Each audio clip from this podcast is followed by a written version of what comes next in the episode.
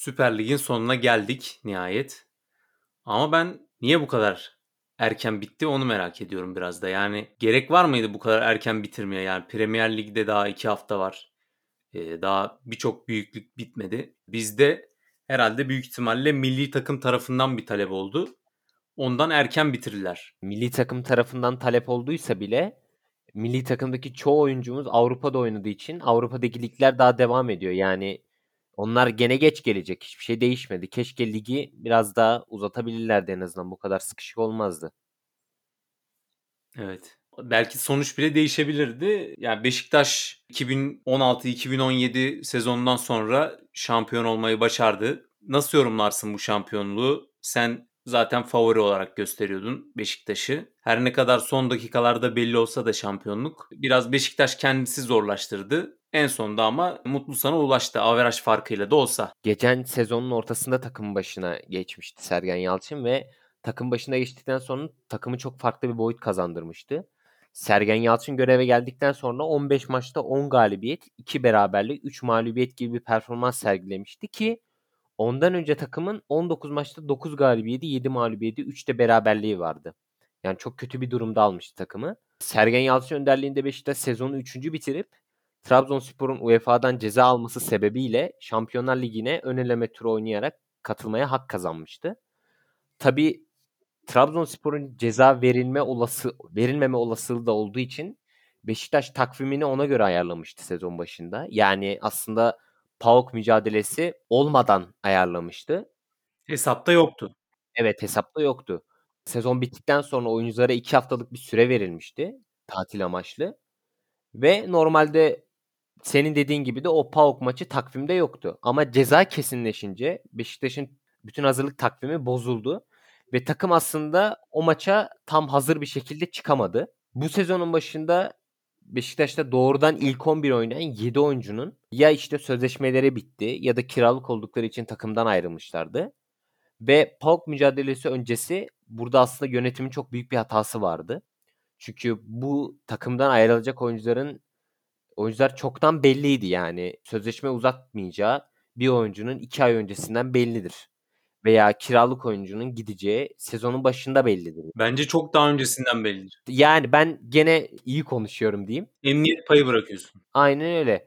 Ara transferde konuşursunuz oyuncuyla. Uzatırsa uzatır, uzatmazsa uzatmaz veya belki daha önce. O yüzden çoktan belliydi oyuncuların gideceği. O ki bunu Avrupa kulüpleri çok daha erken planlayarak yapıyor. Normalde odur yani hani devre Aynen arasına öyle. dahi kalmadan. Çünkü devre arasında hani 1 Ocak'tan itibaren oyuncu direkt olarak başka kulüplerle resmi olarak anlaşabileceği için ona dahi bırakmadan aslında işi bitirmek lazım. Yani Evet. Beşiktaş'ın PAOK eşleşmesindeki maçlarda bayağı forveti yoktu. Yani doğru Sağ düzgün. beki yoktu. O zaman Abu Bakar da gelmemişti. Yani o transfer süreci nasıl değerlendirirsin sen? Yani tamamen yönetimin acemiliği. Gidecek oyuncular belli. Sen eğer bir de yeni zaten yönetim yeni gelmişti ki geldiğinde senin bir planlaman olmak zorunda zaten. Normali budur. Senin belli bir planlaman vardır. Ona göre gidecek oyuncuların yeri hemen doldurulur ki sen ondan sonra takımdan sonuç beklersin.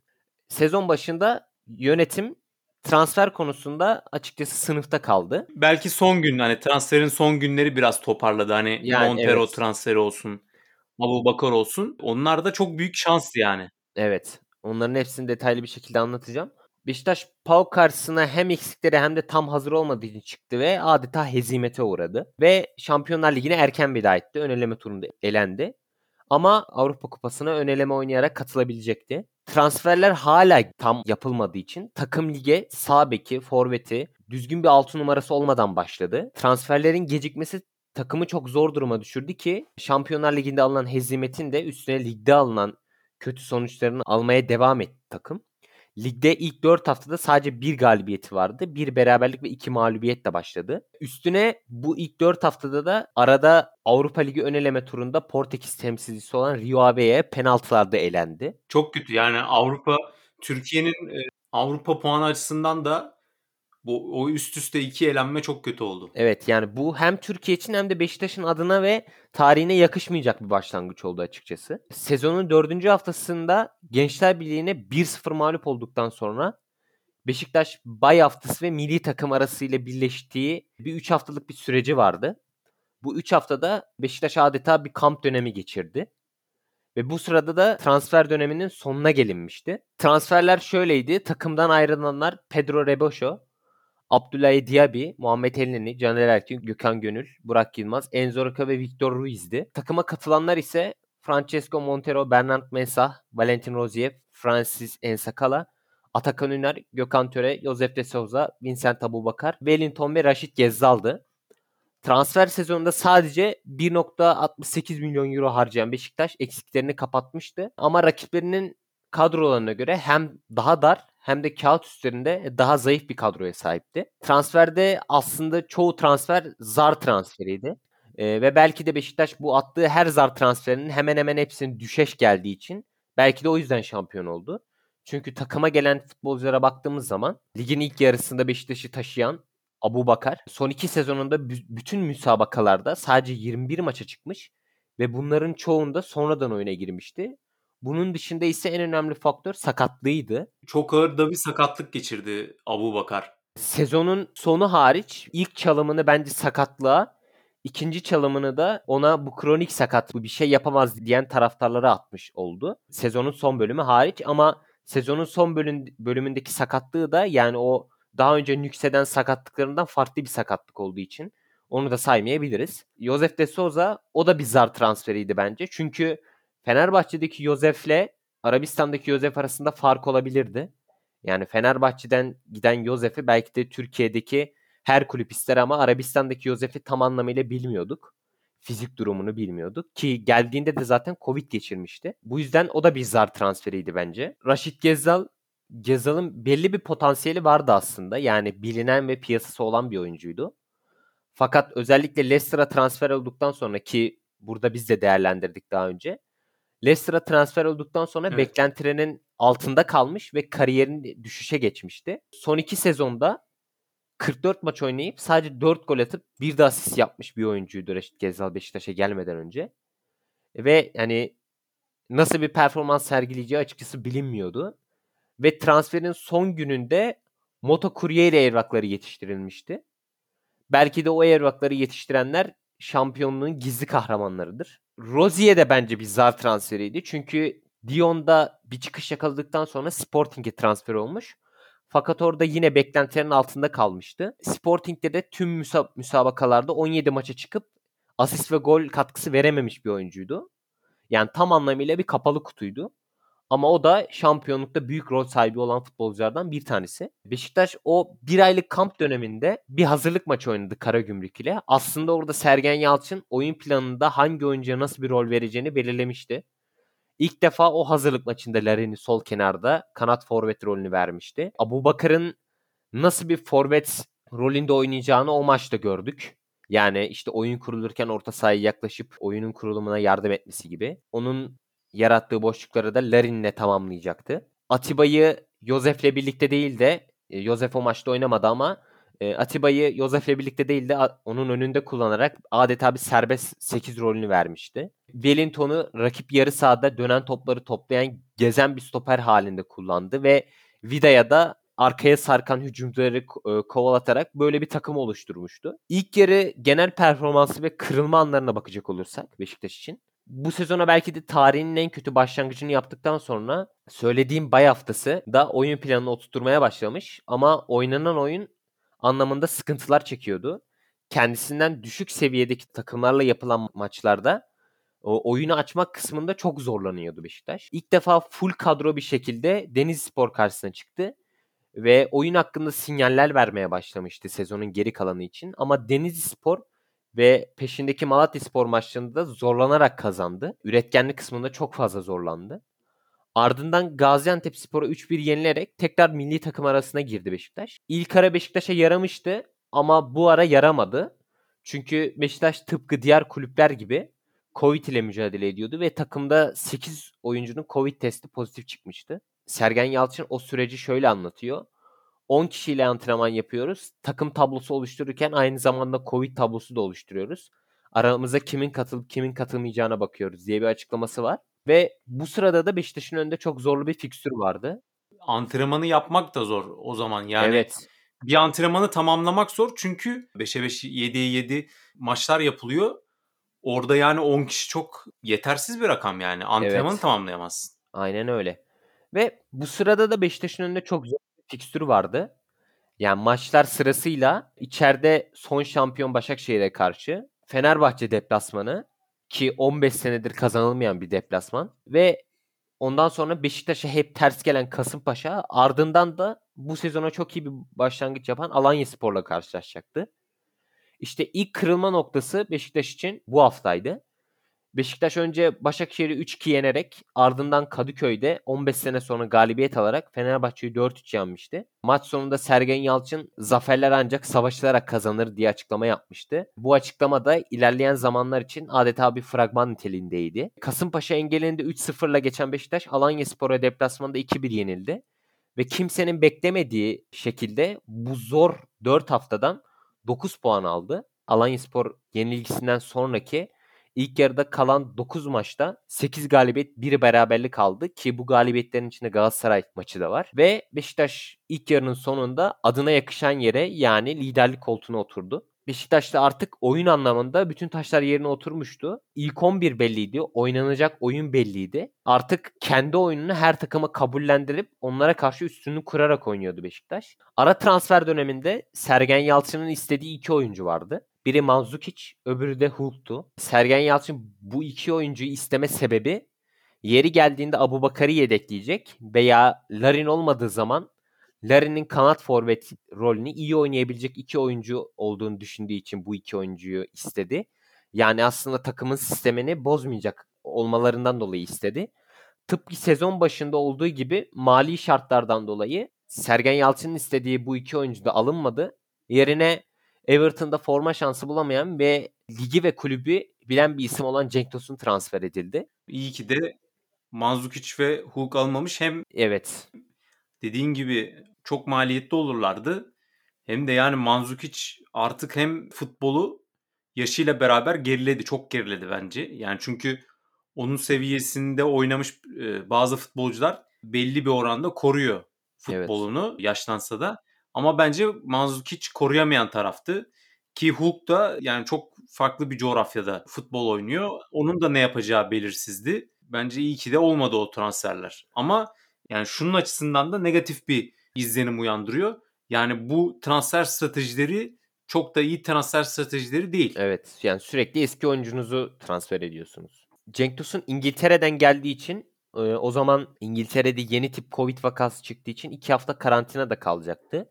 Yani bir transfer yapılıyor ama o transferi yine iki hafta kullanmayacaksınız. Bir de geleceğe dönük bir transfer olan Eskişehir Spor'dan sabek oyuncusu Bilal Ceylan takıma katıldı. Ve ara transfer dönemini Beşiktaş bu şekilde kapattı. Zaten rakiplerinden dar ve kağıt üstünde düşük bir kadroya sahip olan Beşiktaş ara transferde rakiplerinin takviyesi altında bence biraz daha ezildi. Çünkü rakiplerine baktığımızda Galatasaray yeniden bir kadro kurdu. Yani Halil Dervişoğlu, Mustafa Muhammed, Getson Fernandes, Yedlin. Fenerbahçe'ye baktığımızda Mesut Özil, İrfancan Kahveci, Atilla Salay gibi isimler kadroya katıldı. Bright Samuel Osayi. Yani gene bu transfer döneminde de bence Beşiktaş yönetimi gene sınıfta kaldı. İkinci yarı ve kırılma anlarına bakacak olursak ise ikinci sezona Uğurcan Çakır'ın yıldızlaştığı ve maça damga vurduğu Trabzonspor mağlubiyetiyle başladı. Üstüne Antalya Spor ile berabere kaldıktan sonra maç sonunda Sergen Yalçın savaşacağız, hiçbir zaman bırakmayacağız, oyuncularla birlikte savaşacağız açıklamasını yaptı. Ve bu da aslında Beşiktaş'ın şampiyonluğu ne kadar istediğinin ve ona ulaşana kadar yılmayacağının işaretiydi. Bir sonraki hafta Konya Spor karşısına çıkan Beşiktaş, Ensakala'nın dakika 20'de atılmasıyla 70 dakika 10 kişi oynayıp rakibine pozisyon vermeden sanki Konya Spor 10 kişiymiş gibi oynayarak galibiyeti almıştı ve bir hafta önceki Sergen Yalçın açıklamasının altını çok güzel doldurmuştu. Bu maçtan sonra üst üste 5 galibiyet aldı Beşiktaş ve milli takım arasına milli takım arasından önce oynanan Fenerbahçe derbisini 89. dakikada Ozan Tufan'ın hemen hemen her sene Beşiktaş'a attığı uzaktan şut gollerinden bir tanesiyle maçı berabere bitirdi. Yani Ozan Tufan zaten her sene atıyor Beşiktaş'a bir tane böyle uzaktan şut golü. Bu şekilde milli takım arasına girdi. Neyse ki artık milli takımda da atmaya başladı. Yani Evet. önceden sadece Beşiktaş'a özeldi o. Evet artık milli takımda da atıyor. Çünkü yavaş yavaş Covid'den önce de bu 2019-2020 sezonun başında Fenerbahçe bir hazırlık kupası yapmıştı. Belki hatırlarsın. Real Madrid, Bayern Münih falan vardı. Evet. Orada bir Real Madrid'e uzaktan şut attıktan sonra neyse ki farklı takımlarda nasibini aldı yani. Beşiktaş yalnız değil bu konuda. Evet. Fenerbahçe beraberliğiyle milli takım arasına girdi. Bundan önceki hemen hemen her milli ara aslında Beşiktaş'a yaramıştı. Ama bu sefer öyle olmadı. Milli takıma giden oyuncuların bazıları Covid pozitif çıktı. Üstüne belki de takımın en önemli iki parçasından biri olan Abu Bakar milli takımda sakatlandı. Abu Bakarsız çıktığı 4 maçta 2 galibiyet, 1 mağlubiyet, 1 beraberlik alan Beşiktaş. Bu haftalarda Raşit Gezzal adeta tek başına taşıdı takımı. Hücum kısmında gerçekten e, bir virtüöz gibi oynadı. Tabi bu arada form yakalamış Cenk Tosun ve Oğuzhan Özyakup ikilisini de sakatlar arasına yazdı Beşiktaş. Sivas Spor maçında Abu Bakar dönmüş. ikinci yarı başlayamadan sakatlığı tekrar nüksetmişti. Maçın beraberlik ile bitmesi ve son haftalarda puan kayıpları şampiyonluğu biraz daha sıkıntıya sokmaya başlamıştı. Burada Sergen Yalçın'ın bir çözüm üretmesi gerekiyordu ve Sergen Yalçın Abu Bakar'ın yokluğunda Gökhan Töre'yi sahte 9 olarak kullandı ve o boşluğu bir şekilde doldurmuştu. Gökhan Töre'nin sahte 9 oynadığı Kayseri Spor ve Rize Spor maçlarını kazandıktan sonra önlerinde Hatay Spor karşılaşması vardı ki belki de burada herkes Beşiktaş'ın puan kaybedeceğini düşünüyordu. Çünkü son iki haftada Beşiktaş'ı forvet eksikliğini kapatan Gökhan Töre de sakatlanmıştı. Rize Spor maçı sonrası Sergen Yalçın Hatay Spor'un teknik direktörü Ömer Erdoğan'ı Beşiktaş maçı ile ilgili yaptığı açıklamalar e, açıklamaları belki de yanlış anlaması sebebiyle bir açıklaması vardı. Şöyle demişti orada.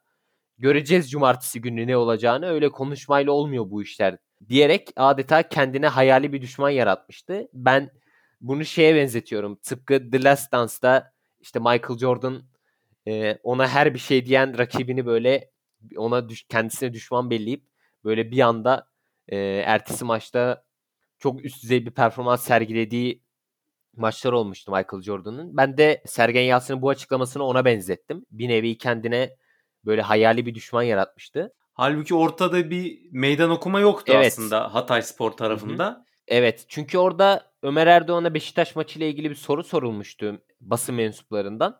O da ona cevap verdi. Orada dediğim gibi yanlış anlaması sebebiyle böyle bir açıklama yaptı. Ve cumartesi günü geldiğinde skor 7-0'ı gösteriyordu. Bu maçın önemi son haftalara gelindiğinde ortaya çıkacaktı. Çünkü Beşiktaş'ın attığı 7 gol onları avaraj farkıyla şampiyon yapacaktı.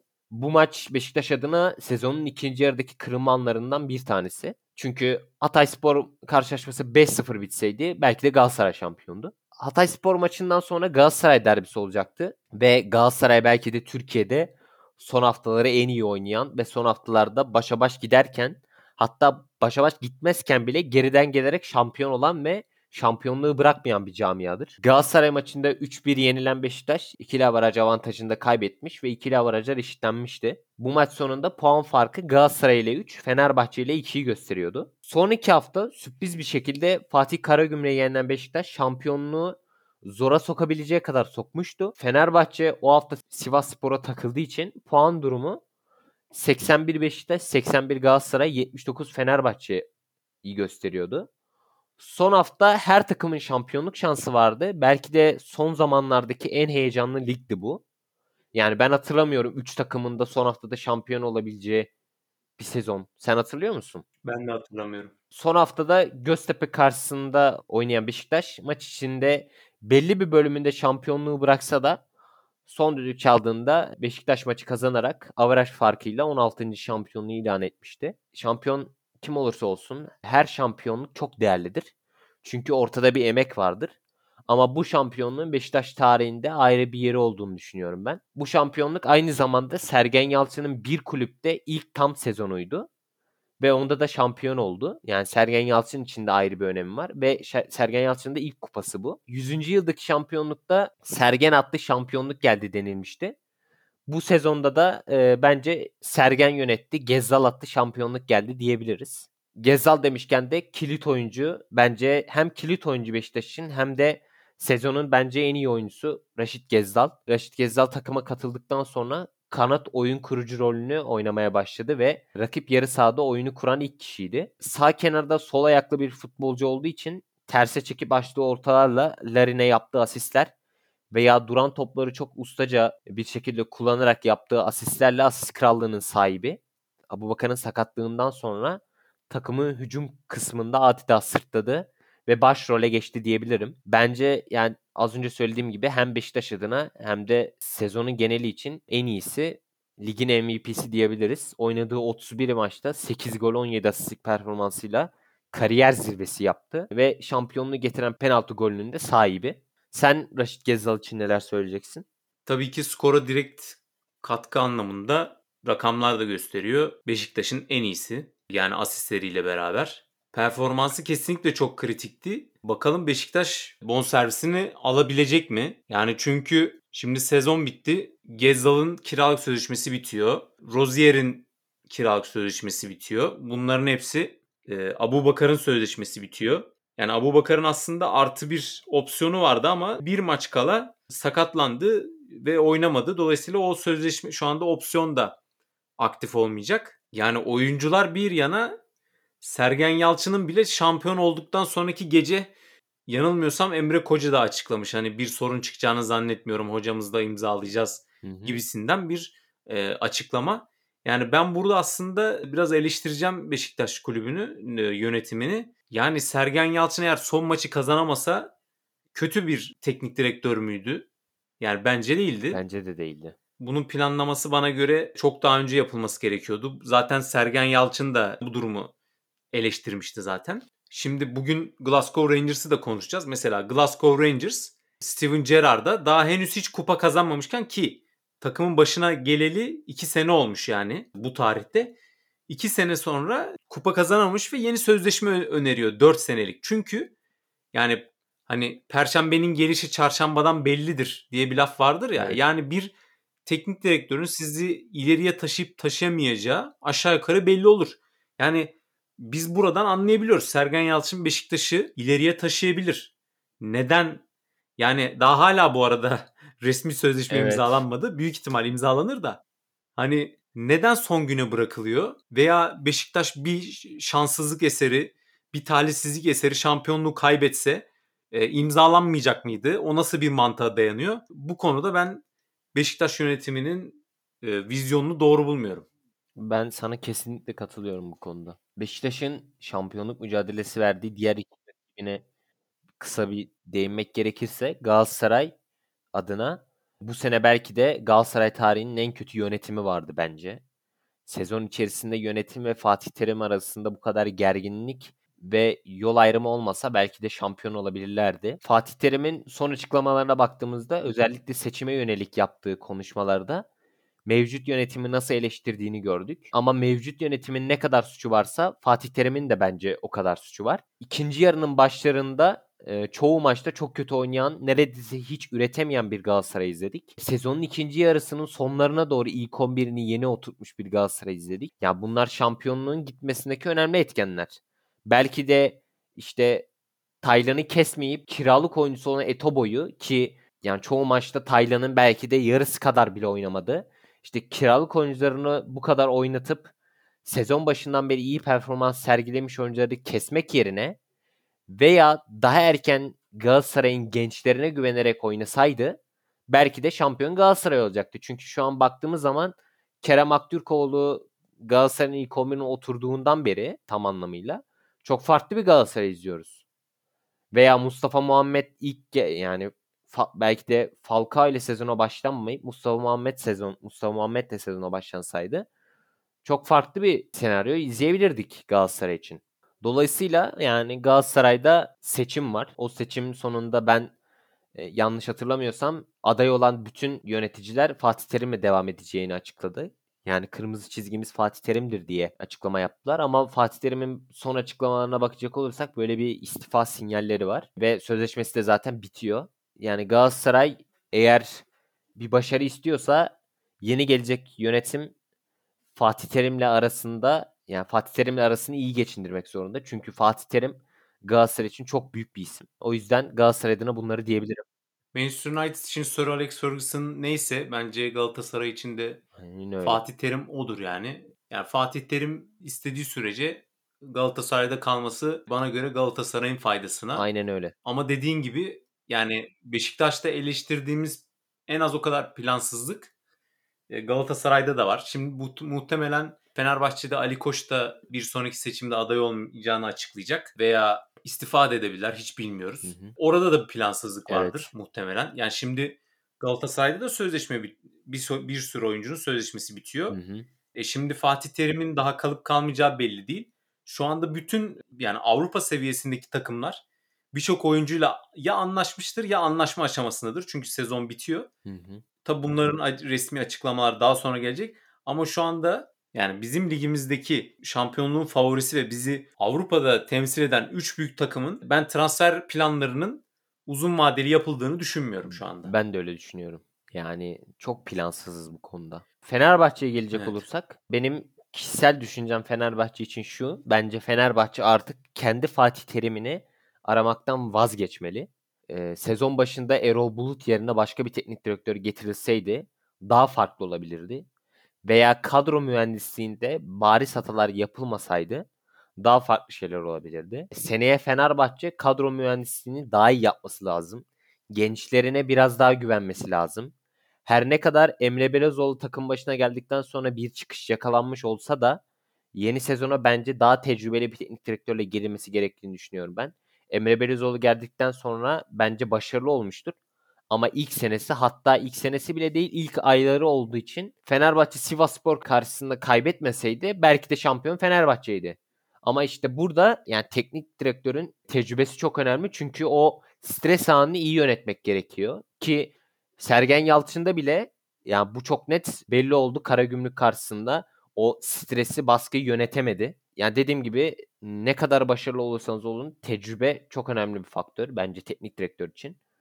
Fenerbahçe için de bunları söyleyebilirim. Bakalım bu yazki transfer sezonunu nasıl geçirecek takımlar? Euro 2020 takımları nasıl etkileyecek? Transfer politikaları nasıl şekillenecek? Teknik direktör tercihlerine göre muhtemelen değişeceğe benziyor. En azından Galatasaray ve Fenerbahçe için. E, Beşiktaş'ta da yani çok kritik oyuncuların sözleşmesi bitiyor. Sil baştan mı yapılacak yoksa onlarla sözleşme mi imzalanacak? Bence onların kazanılması çok kritik bu noktada. Evet. Yani şimdi devre arası maliyetler yüzünden Manzuk için ve e, Hulk'un gelmemesinden daha önce de maliyet yüzünden birçok ismin gelmemesinden bahsettik Beşiktaş için. Belki de Beşiktaş için e, kazara iyi olan şey bu oldu. Yani yönetimin aslında bilerek yaptığını düşünüyorum ama en azından istikrarlı bir kadro oluşturdu Beşiktaş. Ve biraz da şansın yardımıyla çok ağır sakatlık en azından sezonun kritik bölgelerinde ağır sakatlıklar olmadığı için de sezonu şampiyon tamamlayabildi. Euro 2020 demişken de geçtiğimiz hafta biliyorsun e, milli takım kadrosu açıklandı. Aday kadrosu 30 kişilik bir kadro. Yani benim için sürprizler var, yanlışlar var. Ama ben senin fikrini merak ediyorum önce. Yani kadro genel olarak benim hoşuma gitti. Ama bazı kısımlarda ben Şenol Güneş'in hata yaptığını düşünüyorum. Mesela e, senin bu arada hangi ismi böyle vurgulayacağını çok iyi biliyorum. Ben orta saha kısmında yani bu sene Mahmut Tekdemir'i almazdım. Çünkü eski performansını artık veremiyor Mahmut Tekdemir ki her ne kadar böyle büyük bir organizasyonda tecrübe önemli olsa da zaten orada Okay var. Yani asıl oynayacak oyuncu orada Okay ki Okay bence artık tecrübeli bir oyuncu. İngiltere'de görmüş. Premier Lig tecrübesi olan da bir oyuncu. Yani ben orada belki de Berat Özdemir'i değerlendirebilirdim. Veya sakatlığından sonra çok ciddi bir sakatlık geçirmişti Dorukhan Toköz.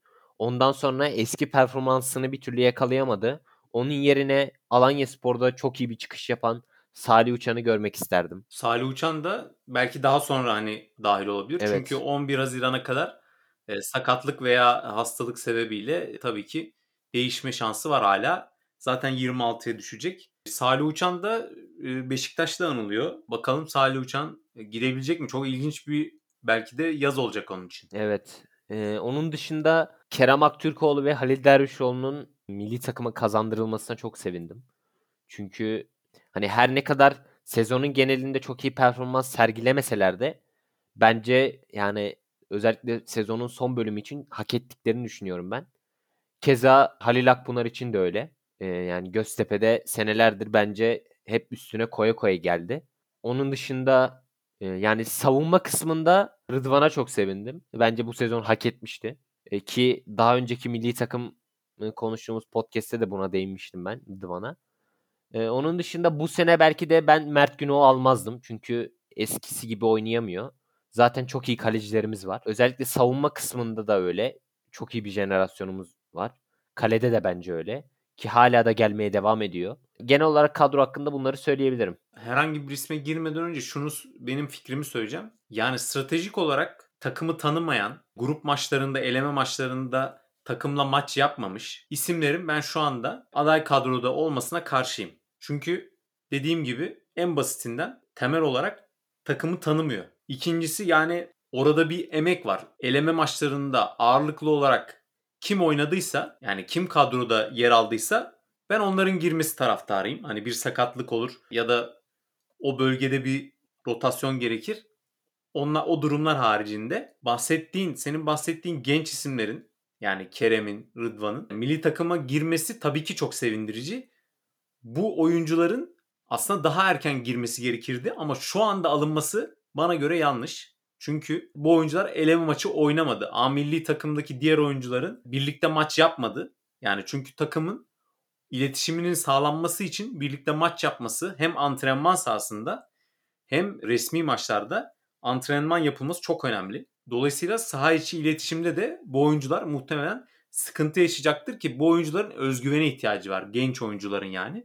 Özellikle büyük turnuvalarda yaptıkları hani olası talihsiz hatalar herhangi bir tecrübeli oyuncuyu etkileyeceğinden daha fazla etkiler bu genç oyuncuları. Dolayısıyla hani ben sadece çok bariz bir hata olduğunu düşündüğüm Caner Erkin'in alınmamasından bahsedeceğim. Caner Erkin'in yerine Rıdvan'ın alınması bence hata. Belki Caner Rıdvan olabilirdi. Çünkü Umut Meraş'ın da hani Fransa 2. liginde ortalama bir takımda başarılı defansif aksiyonları olan bir oyuncu ama yani eğer Rıdvan'ın bu kadar hani iyi metrikleri varsa defansif anlamda bence Caner'in değil de Umut'un kesilebilir olduğunu düşünüyorum ben. WhoScored.com'daki defansif aksiyonlara da baktım ben. Mesela Rıdvan'ın maç başına ortalama 0.9 top kesmesi var. 1.1 araya girme var. 0.9 maç başına uzaklaştırma var. Mesela Caner'in metrikleri daha yüksek. Top kesmesi 1.4. Araya girme 1.5 maç başına. Uzaklaştırma 1.2. Yani hani karşılaştırma açısından misal hani benzer oyuncu olması açısından hem hücumcu bir bek olması açısından Saratçı mesela bir tık daha yüksek. 1.6 top kesme var. 1.9 araya girme. 1.7 uzaklaştırma. 0.2 blok maç başına. Yani şut bloklamadan bahsediyorum. Yani şimdi hani defansif bir bekle Caner'i karşılaştırmak yani çok doğru olmaz. Uğur Çiftçi ile Caner'i karşılaştıramazsınız çünkü farklı bekler. Görevleri de farklı. Veya en sakala. Veya görev dediğin gibi en sakala. E, çünkü görevleri de farklı. Şimdi hücumcu bekleri karşılaştırdığımız zaman Caner'in aslında çok da geride olmadığını düşünüyoruz. Çünkü Caner'i neden hani almazsınız? Bir takım almazsınız. İşte defansif metrikleri kötü diye alma, almazsınız ama hani diğer Türk sol beklere baktığımızda Süper Lig'deki sol beklere baktığımızda aslında çok da geride olmadığını görüyoruz defansif anlamda. Ve şöyle de bir durum var. Biraz önce takım içi iletişimden bahsettim. Şimdi bizim en formda oyuncumuz 3 tane oyuncumuzu saysan defans haricinde kimlerdir? 3 tane oyuncu say mesela en formda olduğunu düşündüğüm milli takımda. Defans hariç. Hakan Çalhanoğlu. Evet. Burak Yılmaz. Evet. Üçüncüye kimi sayarım? Okay dersin belki. Yani Okay. Ben, evet Okay. Yani veya e, yani Taylan olabilir. Hani ben şu Burak üzerinden örnek vereceğim. Şimdi Caner Erkin Burak Yılmaz'ın hani DNA dizilimini bilir yani tabiri caizse. Çünkü Manisa Spor'dan gelen bir birliktelikleri ve geçmişleri var. Birbirlerini çok iyi tanıyorlar. Yani Caner Burak'ın nereye koşu atmak isteyeceğini biliyor. Burak Caner'in nerelere orta açacağını biliyor. Ne zaman orta açacağını hakkında fikir sahibi. Şimdi Rıdvan'la Burak arasında böyle bir bağlantı yok. Rıdvan'a hiçbir şekilde hani kötülemek için söylemiyorum bunu. Ama iletişim çok Ama önemli. Rıdvan'la da birlikte Yani oynadı oyuncuların Burak Yılmaz. ya birlikte oynadı da şimdi Rıdvan'la ne kadar oynadı? Bir sezon oynadı. Caner'le 2006'dan beri oynuyor en az. Milli takımlarda da beraber oynuyor. Yani neredeyse 15 senelik birliktelikleri var. Diğer tarafta bir sezondur. Yani tabii ki orası da öyle. Birbirini tanıyan bir kadronun olması e, çok daha iyi olur. Dediğim gibi Rıdvan ve Kerem'in daha önce Kerem'in bu performansı göstereceği muhtemelen öngörülemezdi ama Rıdvan'da bir şeyler olduğu belliydi yani. Önceden alınması gerekiyordu. Ama şu anda alınmasının çok da doğru olduğunu düşünmüyorum ben. Bakalım daha da değişebilir tabii ki kadro. Milli takımımızın da aynı zamanda oyuncusu olan Çağlar da geçtiğimiz hafta sonu Leicester'la beraber finalde Chelsea'yi yenerek 1-0'lık bir sonuçla e, Tielemans'ın attığı golle Federasyon Kupası'nı kazandılar. E, biraz da ondan bahsedelim. Maç beklendiği üzere Chelsea'nin hani üstünlüğüyle geçti ama yani Tielemans'ın attığı gol mükemmel bir goldü. Yani neredeyse Leicester net pozisyon bulmadan maçı kazandı. Ama tabii ki gol yememe açısından başarılı bir maç e, çıkardılar. Bence Çağlar da e, Çağlar'ın defansif performansı da bu noktada çok kritikti. 8 tane hava topu kazanmış. Yani düşünebiliyor musun? Hani ben hatırlamıyorum son maçlarda öyle bir metrik yani 8 hava topu kazanan tek bir oyuncu. Yani 3 top çalmayla oynuyor, oynamış. Çok iyi defansif metrikleri vardı maçta. Ki ona en yakın olan istatistikte 4 kazanılan hava topuyla Wesley Fofana yani. Aradaki fark da bayağı açık. Evet. Bu arada yani bu sezonki Federasyon Kupası'nın ödülleri de yarı yarıya azaltıldı. Yani bu sezon şampiyonluk primi yani şampiyon olan takım 1.8 milyon pound oluyor. Diğer ekstra gelirler ve daha önceki kazandığı maçların gelirleri haricinde. Mesela Süper Lig'de bu rakam 40 milyon TL. Hani bu kadar aslında yani İngiltere'de belki ikinci, üçüncü kupadır. Yani gelir karşılaştırma açısından önemli bir anekdot bence bu. Aynı zamanda bu kupa Kunvichai'nin yani Leicester'ın e, eski sahibinin trajik helikopter kazasında ölümünün ardından da Leicester'ın kazandığı ilk kupaydı. Şu anda oğlu yönetiyor takımı ve kupa seremonisinde de belki görmüşsündür. Özellikle oyuncular çağırdılar oğlunu ve özellikle Kun Top'u çağırdılar. Kumbiçay'ın oğlunu ve başkanla beraber kutlama yaptılar sahada. Ve taraftarlar da buna destek verdi. Yani bunun ben şu noktada çok önemli olduğunu düşünüyorum. Şu anda biliyorsun Süper Lig'in Avrupa Süper Ligi'nin ilanı sonrasında İngiltere'de özellikle büyük takım kulüp sahiplerine dair oluşan bir antipati var. Ama özellikle Leicester'da baktığımızda başkanından hani menajerine, oyuncusundan taraftarına herkesin birleşmesi de biraz da başarının açıklaması oluyor bence. Hani kulüp işlerinde aktif ve ben her maçta da görüyorum hani izlemeye de geliyor sürekli. Ama yani zaten öyle olması gerekmiyor mu? Yani biraz düşündüğün zaman. Tabii ki öyle olması gerekiyor ama sen de biliyorsun ki Manchester United'da, Arsenal'da pek böyle bir ortam yok. Evet. Özellikle. Liverpool'da da öyle. Yani Liverpool çok iyi yönetiliyor.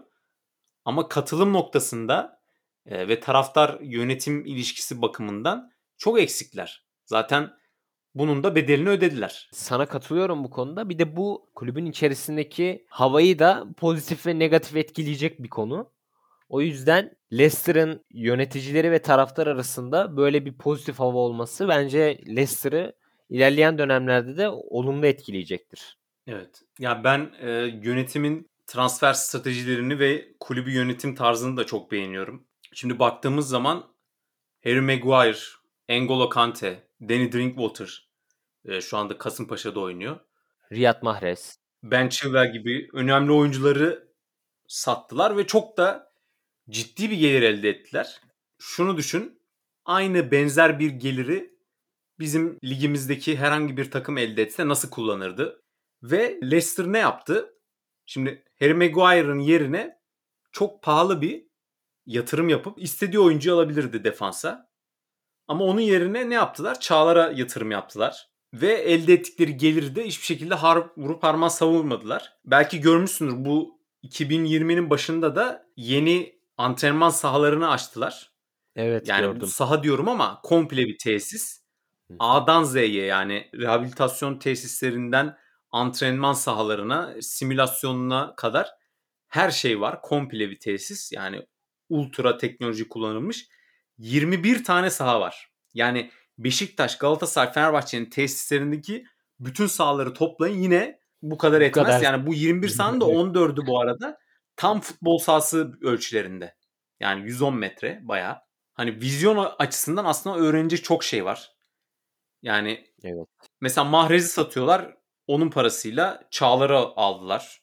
E, Ricardo Pereira'yı aldılar. James Madison'ı aldılar. E, Chilwell'in yerine Fofana ve Castagne'yi aldılar. Üstüne bir de Luke Thomas'ı kullandılar. Yani Luke Thomas'ı kazandılar diyeyim hatta. E, akademiden yetişen bir oyuncu. Ki ben de hani bir süredir takip ediyorum. Bu son perform yani gol de attı son haftalarda. Performans da artıyor. Finalde de oynadı. Hani gelişimini sevinçle izliyorum. Veteranları da eski oyuncuları da çok iyi kullanıyorlar. Zaman zaman mesela Fuchs oynadı. Emerty oynadı. Rota, önemli rotasyon oyuncuları da var. Yani Ayoze Perez, Deniz Pırat. Yani bunlar da mesela Maguire'ın parasıyla alınmış Mendy. oyuncular. Tillemans'ın bonservisi. Evet. Yani öğrenecek çok şey var bence Leicester'ın bu başarısından. Kesinlikle. Şimdi baktığımız zaman işte Türkiye'de hep böyle şöyle bir kalıplaşmış cümle vardı. İşte altyapıdan biz niye oyuncu çıkaramıyoruz? İşte bunu örnek alabiliriz. Yani Leicester'da akademide oynayan genç bir futbolcunun elindeki imkanlara bakacak olursak, bir de bizdeki imkanlara bakacak olursak, işte aradaki fark yani bu bile onun elinde bulunan tesis bile bence işte neden onlarda yetişiyor da bizde yetişmiyor'nun açıklaması olabilir. Çünkü yani çok büyük bir etken bu. İşte orada atıyorum orada kalabilir. Orada daha iyi eğitim görebilir ama buraya baktığımız zaman yani daha A takım tesislerinde bile sıkıntı çıkıyorken yani altyapıyı hiç düşünmüyorum ben zaten. Yani bunları bile örnek alabiliriz yani. Neden bizde işte altyapıdan oyuncu çıkmıyor? İşte hani sebebi burada. Bunları örnek almamız gerekiyor. Bence hem 3 büyükler veya 4 büyükler hem de bütün kulüpler adına. Yani belki de e, İngiltere'de bizim kulüplerimizin transfere harcadığı parayı İngiltere'deki kulüpler kendi tesislerine harcıyor. Ve görüyoruz ki önemli maçlarda da gençler oynayabiliyor yani. Hani şimdi bizde şampiyonluğu oynayan takımlar gençleri oynatamıyor ya. Hani risk almamak için tırnak içerisinde. Tabii burada da Brandon Rodgers'tan da bahsetmemek olmaz. Yani Brandon Rodgers'ın da Celtic'ten geldikten sonra Leicester adeta başka bir kimliğe bürünmesinde çok büyük bir payı var. Yani ben metotlarını çok çok beğeniyorum Brandon Rodgers'ın ve giderek de bu performans artacağı benziyor. Yani hep üstüne koya koya geldi. Brandon Rodgers'tan bahsetmişken de bence e, Thomas Tuchel de tebriği hak ediyor. Yani Chelsea'ye geldikten sonra kısa vadede bence Chelsea'ye çok farklı bir boyut kazandırdı. Evet daha zaten yani final kaybetti ama önünde bir final daha var. Şampiyonlar Ligi hala kupayla tamamlayabilir sezonu. Başka bir şampiyondan bahsetmek istiyorum ben. Çünkü hikayesinin çok önemli olduğunu düşünüyorum. Bu şampiyonun adı Glasgow Rangers. İskoçya Ligi'nde zaten aylar önce şampiyonluğunu ilan etmişti. Yani normal sezonda 89 puan aldılar. E, playoff'larla beraber 100 puan barajını açtılar ve 78 gol atıp 10 gol yediler. 10 gol sadece. Ve 10 sene sonra Celtic'in 25 puan önünde şampiyon oldular. Celtic'in üst üste 9 şampiyonluğu vardı daha öncesinde. Ve çok önemliydi Glasgow Rangers'ın e, ezeli rakibine bu şampiyonluğu kaptırmaması. Çünkü Celtic 10. şampiyonluğu da alsa rekor kırmış olacaktı. 10 sene üst üste şampiyon olarak. E, çünkü daha önce Glasgow Rangers'ın da 9 kere üst üste şampiyonluğu var. Ve hani bu bahsettiğim rekabet de hiç hani yabana atılır bir rekabet değil. Çünkü Celtic ve e, Glasgow Rangers'ın rekabeti aslında çok boyutlu bir rekabet. Yani bunun siyasi altyapısı var bu rekabetin. Evet. Hatta din, dinsel altyapısı var. Yani şöyle söyleyeyim. Celtic taraftarları e, genellikle hani İskoçya sonradan göçen Katolik azınlıktan oluşuyor ve farklı bir siyasi görüşleri var. Glasgow Rangers da tam tersi hani kraliyet tarafında ve protestan tamamen. Hani tarihsel hani yüzyıllardır gelen bir e, gelenek var. Hani bizim kulüplerimizin hani arasındaki rekabet biraz hani şey gibi kalır. Hani ilkokulda e, sınıflar arası maç gibi kalır hani bu old firm diye zaten tabir ediliyor bu rekabet. E, Celtic ve Glasgow arasındaki çok e, farklı bir rekabet yani. Burada hani önemli olan şu e, şöyle bir şey var. Glasgow Rangers Yani bu iki kulüp arasındaki rekabet o kadar kızışıyor ki yani 2000'li yılların ilk 10 senesinin sonlarına doğru Glasgow Rangers Celtic'e yetişebilmek için sürekli borca giriyor ve 2012'de kulüp iflas ediyor. Yani finansal çöküntüye uğruyor ve kurul tarafından 4. lige düşürülüyor. Kulübün bütün varlıkları likide edilip 4. lige düşürülüyor. Ve bir senede üstüne transfer yasağı koyuyorlar. Ve Glasgow Rangers neredeyse her sene birlik yükselerek 2016-2017 sezonunda İskoç Premier Ligi'ne geri dönüyor. Bir tek 2014-2015 senesinde Championship'te İskoçya'nın ikinci ligi olarak e, düşünebiliriz. Playoff'u kaybediyorlar ve Premiership'e çıkamıyorlar. Onun dışında her sene birinci olarak Premiership'e geri dönüyorlar. Ve bu sayede hani bu kötü olaylar sayesinde İskoçya'da var olan bütün yerel kupaları alan tek takım olarak tarihe geçiyorlar. Yani şimdi düşünsene hani misal Fenerbahçe TFF birincilik isterse Şampiyonlar Ligi'ni alsın ya da 50 kez şampiyon olsun. Bir TFF birincilik kupası yok. Bir ikincilik kupası yok. Yani bunlar da aslında evet. E, farklı kupalar değil mi? Aynen öyle. Tabii taraftarlar da yalnız bırakmıyor Glasgow Rangers'ı. Yani şöyle bir tablo hayal et. Dördüncü ligde bir maç var. Ve e, takım Brechin City. Tahmin edersin ki hani sahaları halı sahadan hallice. Tribün desen yok doğru düzgün.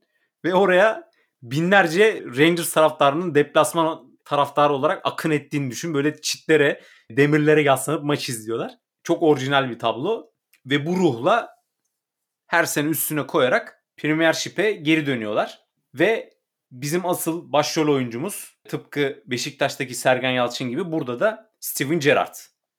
Yani Steven Gerrard geldikten sonra Glasgow Rangers adeta farklı bir kimliğe bürünüyor. Sanki takıma bir yıldız kazandırılmış gibi yani futbolcu anlamında söylüyorum. Sponsorlar akın ediyor kulübe yani gelirler anlamında artış oluyor. Tabi Gerrard'ın da bu noktada direkt olarak katkısı da var. Yani Liverpool'da antrenörler getiriyor Liverpool'dan oyuncular kiralıyor ve geldiğinde 4-3-3 sistemini tercih ediyor ve şu anda hala o sistemi kullanıyor ama oyuncu kalitesi arttıkça tabi sağ içi görevler değişiyor zamanla. Mesela ilk geldiğinde sağ kanatta Kandeyas var. Yani Kandeyas'ı sen de çok iyi tanıyorsun. Ee, Gençler evet, Birliği'nde ç- tamamen çizgide oynayan bir oyuncu. Şu anda bu 4-3-3'ün öndeki 3 oyuncunun iki kanatındaki oyuncu da 10 numara. Yani Ryan Kent evet. ve Yanis Hacı. Hacı. İkisi de 10 numara karakterli bir oyuncu. Ve bu şekilde çok daha alternatifli bir oyun oynuyor Steven Gerrard'ın Rangers'ı. Defansta da çok kompakt bir takım. Yani hücum oyuncuları pres yaparken tek bir ünite halinde sağa ve sola kayıyor. Antrenmanda da Gerrard etkisi var. Yani bütün aksiyonları ezberletiyor bir kere maçtan önce e, sahaya 11 tane manken yerleştiriyormuş. Bir tanesinde kırmızı renkte e, bir manken seçiyorlar ve antrenörler o mankenlere top attığı zaman mesela kırmızı mankene geldiğinde o pres tetikleyicisi oluyor ve orada da hani e, pres aksiyonlarını çalışıyorlar. Bu şekilde her rakibin dizilişine göre maçtan önce takım aslında bir simülasyon yapıyor. Buradan da hani Gerard'ın çok detaycı bir menajer olduğunu görüyoruz. Ve son iki sezondur da sürekli artan bir performansla beraber bu sezonda da çok bariz bir farklı şampiyon oldular. Avrupa Ligi'nde de çok başarılılardı. Yani Galatasaray'ı elediler gruplara kalmak için. İki maçta da çok üstünlerdi hatırlarsan. Evet. Hatta o maçlarda biz şey demiştik yani Rangers'ın her iki stoperi de ya Galatasaray her uzun top attığında neredeyse hemen hemen hepsini almışlardı. Böyle savunmasını ben bayağı beğenmiştim o maçta. Ki zaten sağ beklerine evet ayrı bir ilgim oldu araştırdıktan sonra. Yani çünkü onun ulaştığı gol seviyesinde bizim ligde forvet var yani öyle düşünelim. Evet ben hatta maçtan önce Galatasaray tanıdıklarımı da uyarmıştım James Tavernier ile alakalı. Tavernier'a değinmeden önce şunu vurgulamak lazım bence. Şimdi Galatasaray'ı eledi dedik. Güncel UEFA sıralamasına göre şu anda İskoçya 11. sırada. Türkiye'de 13. sıraya geriledi. Yani bu ne demek? 12 takımlı İskoçya Ligi Şampiyonlar Ligi'nde Şampiyonlar Ligi'ne takım gönderme açısından artık Türkiye'den daha avantajlı demek. Yani burada da biraz hani sanki şapkayı öne alıp düşünmek lazım diye düşünüyorum. Kesinlikle. Ya özellikle bu sene Avrupa'ya gidecek her kulübümüzün yani tabiri caizse terlerinin son damlasına kadar böyle mücadele edip ülkeye puan kazandırmaları lazım. Sen dediğin gibi de tablo ortada. bizim adımıza yakışmayan bir şey bence bu tablo. Yani çok rezil bir şey. Yani her kulübün Beşiktaş'ın, Galatasaray'ın, Fenerbahçe'nin her kulübün puan alması gerekiyor ki bu sene Galatasaray da gitti, Beşiktaş da gitti, Başakşehir de gitti. En fazla puanı ve en sonuna kadar en fazla mücadele eden takım Sivas Spor'du mesela. Ya yani burada da büyük kulüplerimizin şapkayı önüne alıp düşünmesi lazım yani. Kısıtlı bir kadrosuyla Sivas Spor neler neler yaptı. Yani burada artık büyük takımlarımıza gerçekten çok iyi iş düşüyor. Yani bu sene ciddi bir puan alınması lazım. Sivasspor iyi maçlar geçirse de yani Avrupa Ligi'nde zaten Şampiyonlar Ligi'ne göre kazanılan maçların katsayı etkisi çok az olduğu için evet. bir de gruptan hani çıktıktan sonra en azından bir çeyrek final görmek gerekiyor. Hani Sivasspor da bunu başaramadığı için ülke puanına aslında çok da fazla katkısı olmadı. Tabii diğer takımlara göre evet. Başakşehir'le beraber Başakşehir'in de kritik bir galibiyeti var. Paris Saint Germain'e karşı yanlış hatırlamıyorsam. Onunla beraber yani herhalde en ciddi katkıyı ikisi yaptı. İki takım yaptı. Evet. Rangers'a dönecek olursak da yani sezonun yıldızı kesinlikle James Tavernier. 11 gol 10 asist. Kesinlikle. Tabii forvet değil bu arada. Sağ bek oyuncu. Hani belki evet. rakamlar yanıltabilir. Bu oyuncu sağ bek olarak bu rakamları yakaladı. Ve Rangers'ın bu bahsettiğimiz başarısı da elbette kademeli olarak bütçelerini artırıyorlar ama şu anda bile sen de bakmışsındır. Transfer markette kadro değeri ne, yani zamanla ne kadar artmış Rangers'ın. Şu anda bayağı hani Premier Lig'de belki de düşmemeye oynayacak takım kadar kaliteliler. Ve bu takım evet. 4. ligden geldi. Yani 10 seneden kısa bir sürede. Ve şu an hala mesela Celtic'ten 10 milyon euro daha az maaş bütçeleri var. Bunu bu şekilde başardılar. Yani para birçok şeyin cevabı ama her şeyin cevabı değil. Evet. Sen Steven Gerrard'ın geleceğini nasıl görüyorsun peki? Yani Steven Gerrard'ın geleceğini kesinlikle çok parlak görüyorum. Ya bir kere yani taktiksel zekasının dışında çok sakin bir e, oyuncu. Tam böyle hani İngiliz bir stereotipi vardır ya böyle hani sakin olarak. Tam ona uyumlu evet. uyan bir teknik adam. Hani her koşulda çok sakin ve röportajlarında mesela şey diyor hani ben kendime çok yüklenirim bazen diyor. ya Kendimi çok sert eleştiririm diyor. Sürekli düşünürüm diyor hani ne yapabiliriz farklı. Ve aşırı detaycı. Rangers'a geldikten sonra antrenman tesislerindeki masanın dizilimini bile değiştiriyor. Diyor ki mesela işte defanslar defanslarla oturacak. İşte orta saha orta saha ile oturacak. Ve e, özellikle bu Covid arasını çok iyi değerlendirdi Rangers. Sürekli özel antrenmanlar, teknolojiyi de çok iyi kullanıyor Steven Gerrard oyuncularının performansını artırmak için kimin iyi uyuyup uyuyamadığına kadar takip eden bir teknik adam. Ve tabii ki böyle başarılar geldikçe de adı Liverpool'la anılması çok normal. Ama ben hem Steven Gerrard için hem de Liverpool için hem de Rangers için ortak fayda biraz daha kalması lazım Rangers'ta. Bence de. Özellikle Avrupa'da biraz daha kendini ispatlaması lazım. Tecrübe kazanması lazım. Yani Liverpool'da hatta şöyle bir şey olabilir. Klopp'un sözleşmesi bittiğinde hani bu da 2024 belki 2025 miydi tam hatırlamıyorum. O yıllarda bayağı bir devir teslim töreniyle Gerrard'a devredilebilir mesela o görev. Ama o zamana kadar bence Rangers'ta kalmalı. Çünkü Liverpool'la da benzerlikleri var Rangers'ın. Yani Rangers da böyle hani sadakata değer veren işte taraftar grubunun belli bir futbol talep ettiği, futbol tarzı talep ettiği. Yani Rangers taraftarı öyle her galibiyetle de hani memnun olan bir taraftar değil. Hani onların istediği gibi futbol oynamak durumundasınız. Yani Gerard burada çok iyi bir hava yakaladı. Bence bu havayı birkaç sene daha kullanmalı. Sana e, kesinlikle katılıyorum ki hani gideceği eğer hani Liverpool'a giderse aradaki lig farkı da çok bariz belli bir şey. En azından Glasgow Rangers'a kalarak en azından bir Avrupa tecrübesini daha da arttırarak ve kendi tecrübesini de arttırarak Liverpool'a gitse her iki taraf için de daha iyi olur.